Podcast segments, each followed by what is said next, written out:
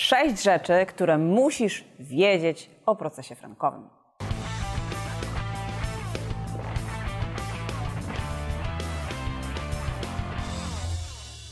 Witam serdecznie. Nazywam się Magdalena Pledziewicz. Jestem radcą prawnym i sprawami klientów instytucji finansowych, banków zajmuję się od pięciu lat. I tak jak mówiłam, zaraz poznasz sześć rzeczy, które musisz wiedzieć o procesie z bankiem. Pierwsza kwestia. Jakie mam szanse na wygranie z bankiem? Odpowiedź brzmi: obecnie, czyli w 2021 roku, kiedy to nagrywamy, duże, a nawet bardzo duże. Ostatnie statystyki mm, prowadzone przez e, różne redakcje pokazują, że procesów frankowych jest znacznie więcej wygranych niż przegranych. Wygrane sięgają 90 e, kilku procent spraw. Dlatego jeśli się zastanawiasz, to jest odpowiedź. Na chwilę obecną faktycznie znakomita większość spraw e, frankowych jest wygrywana i to jest fakt. E, banki przedstawiają różne swoje statystyki, w których jest troszeczkę inaczej ta proporcja pokazana. E, nie wiemy dokładnie, w jaki sposób są one robione, e, ale takie najbardziej obiektywne źródło to mm, strona internetowa mm, z wyrokami sądów powszechnych. E, I tam, gdy wyfiltrujemy sobie wyroki w sprawach frankowych, faktycznie większość z nich będzie uwzględniała roszczenia powodów, jeżeli klient pozywa bank, albo oddalała roszczenia banku, jeżeli to e, bank pozwał klienta o zapłatę z umowy frankowej. Powstaje zatem zawsze pytanie, dlaczego te kilka spraw, e, kilka procent spraw jest e, przegrywanych? E, I tutaj są e, różne kwestie, które na to wpływają, ale przede wszystkim z takich najogólniejszych e, można przyjąć, że mm, bankowi udało się wykazać, że kredyt nie był zaciągnięty na cele konsumenckie, czyli nie był zaciągnięty na mm, nasze wydatki takie codzienne, niezwiązane z działalnością gospodarczą. Czyli na przykład, jeśli mieliśmy swoje y, miejsce zamieszkania, mieliśmy swoje y, mieszkanie, swój dom, nie sprzedaliśmy go, dalej już po zaciągnięciu kredytu y, w tym mieszkaniu, w tym domu mieszkaliśmy, a mm, kredyt hipoteczny waloryzowany frankiem szwajcarskim zaciągnęliśmy na mieszkanie, które było potem wynajmowane, czyli było typową inwestycją. E, albo które było przeznaczone e, na biuro, tak? E, I to są właśnie te sprawy, gdzie możemy przegrać sprawę frankową, chociaż to już są tak zwane sprawy przedsiębiorców. I mamy argumenty, które mówią za tym, że umowy w takich wypadkach też powinny być unieważniane, ale faktycznie, jeżeli dojdzie do tego, że uda się bankowi udowodnić, że y, w tej umowie kredytu byłeś przedsiębiorcą, a nie y, konsumentem, to ryzyko przegrania sprawy wzrasta wielokrotnie. Z procesu dosyć łatwego już sztampowego, robi nam się e, proces e, skomplikowany e, i stajesz się pionierem, tak? bo sprawy przedsiębiorców dopiero teraz praktycznie zaczynają się toczyć przed sądami i przedsiębiorców, tak? czyli osoby, które brały na przykład kredyty inwestycyjne we franku szwajcarskim, dopiero czeka wypracowanie swojej linii orzeczniczej. Druga kwestia. Czy ze względu na to, że pozwałeś bank, ten oto bank może ci wypowiedzieć umowę kredytu albo wyciągnąć wobec ciebie jakieś inne wrogie konsekwencje? Odpowiedź brzmi nie. Bank może wypowiedzieć umowę kredytu tylko w przypadkach określonych wprost w umowie kredytu. Najczęściej jest to brak spłacania rat kredytu. To jest taki podstawowy, podstawowy zarzut i podstawowy, podstawowa przyczyna wypowiedzenia umowy kredytowej przez bank. Musimy pamiętać, że mm, w trakcie procesu sądowego my twierdzimy swoje, tak? ale jeszcze tego nie udowodniliśmy. A bank z kolei swoi, stoi na swoim stanowisku, czyli że z umową jest wszystko w porządku i do momentu, jak e, proces się nie, koń, nie skończy mm, prawomocnie, ty powinieneś spłacać raty kredytu zgodnie z umową. No, chyba, że dostaniesz sądowne zezwolenie na zaprzestanie tych spłat, e, tych rat, ale to już jest kwestia szersza na inny filmik. Faktycznie jest to możliwe e, do zrobienia. Ale w takiej modelowej sytuacji, gdy nie uzyskasz takiego zabezpieczenia, czyli zezwolenia sądu na brak spłacania, e, spłacania rat, e, musisz się liczyć z tym, że te raty e, trzeba faktycznie spłacać i jeśli tego nie będziesz robić, bank wypowie umowę kredytu i skieruje sprawę mm, do windykacji. Oczywiście ta windykacja będzie zatrzymana do momentu, do momentu prawomocnego rozstrzygnięcia Twojej sprawy, ale no taka jest odpowiedź na to pytanie. Czyli bank nie może wypowiedzieć Tobie umowy kredytu tylko z tego powodu, że e, pozwałeś e, go mm, o unieważnienie tej umowy. Tak samo bank nie powinien wyciągać żadnych negatywnych konsekwencji w innych waszych umowach, tak? Czyli dajmy na to, e, korzystasz w tym banku z kredytu obrotowego, z karty e, debetowej. E, tutaj również bank musi respektować umowę, a w umowie nie ma na pewno takiego, takiego zapisu, który pozwalałby wyciągać jakieś negatywne konsekwencje w razie pozwania tego banku przez klienta, bo to jest podstawowe prawo obywatelskie, tak? czyli że e, mamy prawo do sądu i mamy prawo do skierowania zapytania do tego sądu, czy umowa, którą podpisaliśmy, jest ważna. I żadna umowa nie może nam tego prawa mm, odbierać. Dlatego odpowiedź brzmi nie, bank nie może wypowiedzieć umowy kredytu tylko z tego powodu, e, że został pozwany przez klienta. E, I to jeżeli chodzi o sytuację prawną.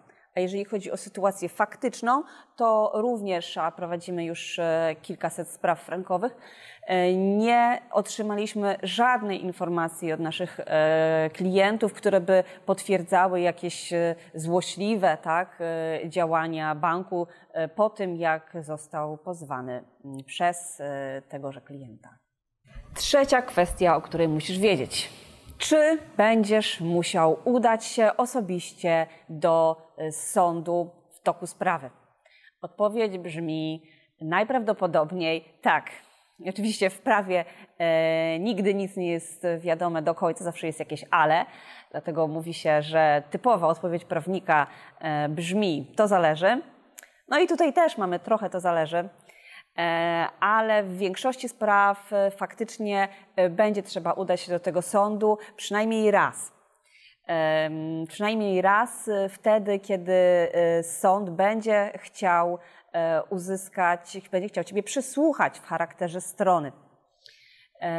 Faktycznie zdarzają się procesy, gdzie tego udziału osobistego nie ma. To są na przykład sprawy, e, gdzie sąd zdecydował się wydać e, nakaz zapłaty, czyli stwierdził po obejrzeniu pozwu, że sprawa jest na tyle oczywista, że nie potrzebuje w ogóle przeprowadzać żadnych rozpraw, wydaje nakaz zapłaty, czyli taki powiedzmy słabszy wyrok, e, który jeżeli bank go nie zaskarży w ciągu 14 dni ma moc wyroku, I wtedy oczywiście no, nie odbędzie się żadna rozprawa, e, więc nie będziesz też na nią wzywany. Ale taki modelowy proces frankowy obecnie zakłada jednak przynajmniej jednokrotną obecność w sądzie, na którą będziesz osobiście wezwany, czyli nie pismem przez pełnomocnika, przez swojego prawnika, ale pismem, które e, uzyskasz osobiście z sądu, wezwaniem na rozprawę. Mm, do osobistego e, stawiennictwa obowiązkowego. I tutaj przechodzimy do czwartej kwestii, którą musisz wiedzieć, czyli jak wygląda proces frankowy w praktyce. Obecnie proces frankowy rozkłada się na przy dobrych wiatrach kilka y, miesięcy w pierwszej instancji, ale najczęściej ten okres, nawet tylko samej pierwszej instancji, należy liczyć w latach. Czyli pierwszy etap to jest pisanie pozwu. E, pisanie pozwu obejmuje mm, przygotowanie analizy ekonomicznej, którą musimy załączyć do pozwu, e, przygotowanie wszystkich dokumentów, głównie umowy i wszystkich aneksów, jakichś ugód, które były po, e, zawierane w Twojej sprawie, sformułowanie pozwu, opłacenie go i skierowanie do sądu. Kolejny etap to jest wymiana pism procesowych. E, tutaj na razie Twojego udziału nie ma. E, na tym etapie jest największa e, praca Twojego prawnika, polegająca na najpierw napisaniu pozwu, a potem przeprowadzeniu całej wymiany pism z drugą stroną. Czyli sąd otrzymuje pozew, ten pozew po sprawdzeniu formalnym doręcza bankowi, bank może na ten pozew i najczęściej tak robi, odpowiedzieć raczej zawsze tak robi, e, może odpowiedzieć, i z kolei wtedy Twój prawnik ma czas na to, aby się ustosunkować do tego stanowiska banku, i dopiero wówczas wyznaczane są rozprawy. E, jak powiedziałam wcześniej, na jedną z tych rozpraw, niestety nie wiemy na którą. Tak? Jeżeli będzie jedna, tak jak to często jest w Sądzie Okręgowym w Warszawie, no to pewnie na tą zostaniesz wezwany do osobistego stawiennictwa. Ale jeżeli są to inne sądy, na przykład Sąd Okręgowy w Bydgoszczy, Sąd Okręgowy e, w Toruniu, czy inne sądy, inne niż e, warszawskie. E, tutaj można się spodziewać różnych scenariuszy.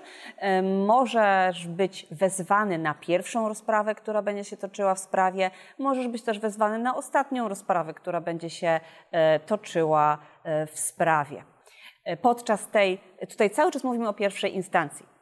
E, przed pierwszą instancją też, jeżeli sędzia będzie e, twierdził, że jest mu to potrzebne do rozstrzygnięcia sprawy, może być powołany biegły sądowy. Czyli e, kancelaria robi swoją, swoje przeliczenie swojego biegłego na potrzeby pozwu, ale czasami powiedzmy w 30% sprawach frankowych sąd chce również E, uzyskać taką niezależną opinię biegłego mm, sądowego.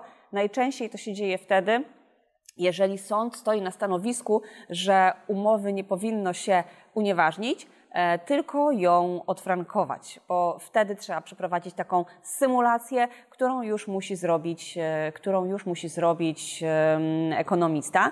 I my ją robimy do pozwu, ale no, wyrok ma taką wagę, e, że najczęściej ten biegły sądowy jeszcze sprawdza e, nasze przeliczenia. I zapada długo wyczekiwany wyrok pierwszej instancji. Mm, I e, apelacji możesz być pewien, czy to swojej, mm, czy to banku. Proces frankowy nigdy nie kończy się na pierwszej instancji, ale dobra wiadomość jest taka, że proces przed drugą instancją, czyli najczęściej przed sądem apelacyjnym, już wymaga bardzo małego Twojego udziału. E, proces przed e, sądem apelacyjnym, proces przed sądem drugiej instancji e, stanowi właściwie mm, sprawdzenie tego, czy w procesie przed sądem pierwszej instancji doszło do jakichś błędów. Wynikiem e, procesu przed drugą instancją może być albo podtrzymanie pierwszego wyroku w całości, e, albo zmiana tego wyroku, i tutaj sprawa już się kończy, e, również, tak jak w pierwszym wypadku, ale może też dojść do powtórnego skierowania sprawy do e, sądu pierwszej instancji. Tak się dzieje najczęściej, e, jeśli e, sąd drugiej instancji stwierdzi, że nie zostały na przykład przeprowadzone jakieś istotne dowody, które powinny być przeprowadzone. I dopiero po wyroku sądu drugiej instancji, a jeżeli sprawa została cofnięta do sądu pierwszej instancji, to dopiero po ponownym skorygowaniu e, swojego procesu przez sąd pierwszej instancji mamy proces zakończony. I tak wygląda pokrótce e, proces frankowy, na który trzeba się po prostu przygotować. Piąta rzecz, o której musisz wiedzieć, to to, jak może zakończyć się proces frankowy. Proces frankowy może się zakończyć, jak najprawdopodobniej zdajesz sobie sprawę, wygraną albo przegraną. Przy czym przegrać może na jeden sposób, czyli gdy nasze powództwo zostanie oddalone, a wygrać na dwa sposoby, ponieważ na chwilę obecną e, sąd może e, stwierdzić, że albo cała umowa jest nieważna, albo trzeba ją odfrankować. I tutaj odsyłam do poprzednich moich filmów, które e, tłumaczyły właśnie tą różnicę e, między unieważnieniem umowy a odfrankowaniem. E, I na chwilę obecną, chociaż wyroki odfrankowujące ciągle się zdarzają, to jednak e, te unieważniające umowę najczęściej są podejmowane, no i też e, raczej w tym kierunku idzie Sąd Najwyższy w najnowszych swoich wyrokach w sprawach frankowych, tak? czyli twierdzi, że cała umowa, jeśli zawiera klauzule niedozwolone, powinna być nieważna. I co wtedy? Wtedy będziemy musieli się z bankiem e, rozliczyć. Czyli skutkiem unieważnienia umowy jest to, że finalnie bank będzie musiał e, odzyskać tą kwotę kapitału, złotówek, tak? Tutaj musimy pamiętać, że to jest ta kwestia, ta, ta kwota, ta ilość złotówek, które otrzymałeś e, tytułem wypłaty kredytu. I finalnie tak powinno wyglądać rozliczenie z bankiem. I tutaj pojawia się pytanie. Czy bank powinien odzyskać w wyniku e, unieważnienia umowy tylko kwotę kapitału, który ci wypłacił, czy jednak, mimo to, że umowa została uznana za nieważną w sumie z winy banku, to czy jednak bankowi nie należy się wynagrodzenie dodatkowe za, za to, że mogłeś przez wiele lat korzystać z jego kapitału? E, tutaj musimy jasno powiedzieć, że jest to kwestia nierozstrzygnięta, ale raczej mało prawdopodobne, aby faktycznie e, takie wynagrodzenia, szczególnie jakieś duże tak, ilości albo duże kwoty e, były zasądzane. Na chwilę obecną prawomocnie skończył się wyrok jeden w tej sprawie przed Sądem Okręgowym i Apelacyjnym w Białymstoku. E, I ten sąd stwierdził, że nie ma żadnych podstaw e, do tego, aby po unieważnieniu umowy bank rościł sobie jeszcze jakieś dodatkowe wynagrodzenie za korzystanie z kapitału. Ja tutaj jeszcze chciałam przedstawić jeden argument, czyli e, tutaj dwie strony sobie świadczyły, tak? Czyli ty wpłacałeś również e, raty e, do banku i bank również korzystał z twojego kapitału coraz większego, tak? Przez te wszystkie lata. Dlatego tutaj nie jest taka kwestia zero-jedynkowo. I też jest jedna ważna sprawa tutaj, którą trzeba poruszyć, czyli Trybunał Sprawiedliwości Unii Europejskiej już wydał e, parę lat temu wyrok właśnie w takiej sprawie, sprawie gdzie klient po unieważnieniu umowy pozwał bank nie tylko o zwrot tych rat, które zapłacił, ale też wynagrodzenia za, za to, że bank korzystał z jego kapitału. I tutaj wyrok Trybunału Sprawiedliwości e, Unii Europejskiej e, był e, jednoznaczny, czyli stwierdził, że nie ma takich podstaw tak, do tego, żeby po unieważnieniu umowy dalej żądać mm, jakiegoś wynagrodzenia z tytułu korzystania ze swoich pieniędzy, ale faktycznie jest to kwestia otwarta e, i jest to jedno z pytań, na które ma odpowiedzieć uchwała e, składu całej Izby Sądu Najwyższego, która jednak, jak wiemy,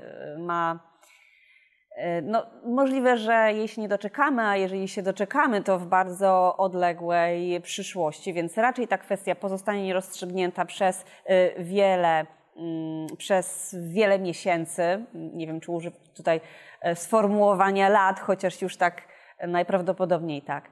Więc mm, Odpowiedź na to pytanie nie jest prosta. Mm, czy bank będzie e, mógł pozwać mnie o wynagrodzenie za korzystanie e, z kapitału? Tak, gdybyśmy chcieli to podsumować, to pozwać może zawsze, tak? Bo e, każdy może pozwać e, kogokolwiek e, o cokolwiek. Pytanie, jakie będzie rozstrzygnięcie. Na chwilę obecną mamy, tak jak już powiedziałam, jedno prawomocne rozstrzygnięcie, które oddaliło taki pozew banku. A czy dalej banki będą forsowały to swoje roszczenie, w jakich wysokościach, to pokaże dopiero przyszłość. I szósta, ostatnia kwestia, o której musisz wiedzieć, czyli jeżeli dojdzie do unieważnienia umowy, to co z hipoteką?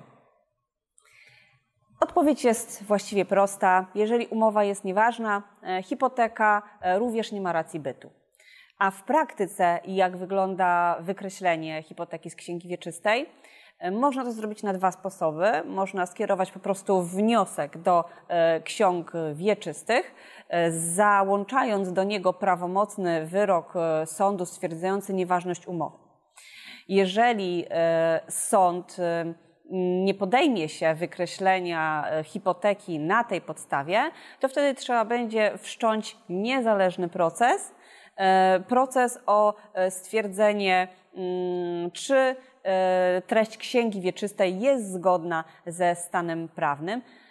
Czyli jest to odrębny proces sądowy, gdzie decyzję o wykreśleniu hipoteki będzie podejmował sędzia, E, jednak będzie to sędzia, który będzie związany prawomocnym wyrokiem e, sądu, więc raczej nie będzie to proces skomplikowany. e, i najprawdopodobniej doprowadzi do wykreślenia hipoteki z księgi wieczystej. Istnieje jeszcze inna możliwość, czyli wykreślenie po prostu na podstawie oświadczenia banku jeżeli, czyli tak jak się dzieje przy spłacie e, kredytu. Jeżeli spłacamy kredyt hipoteczny, otrzymujemy tak zwany kwit mazalny z banku, czyli oświadczenie banku o tym, że kredyt został spłacony i że możemy wykreślić hipotekę i z tym pismem mm, składamy wniosek do e, ksiąg wieczystych. E, I tutaj będzie dużo zależało oczywiście od tego, jak się zachowa bank.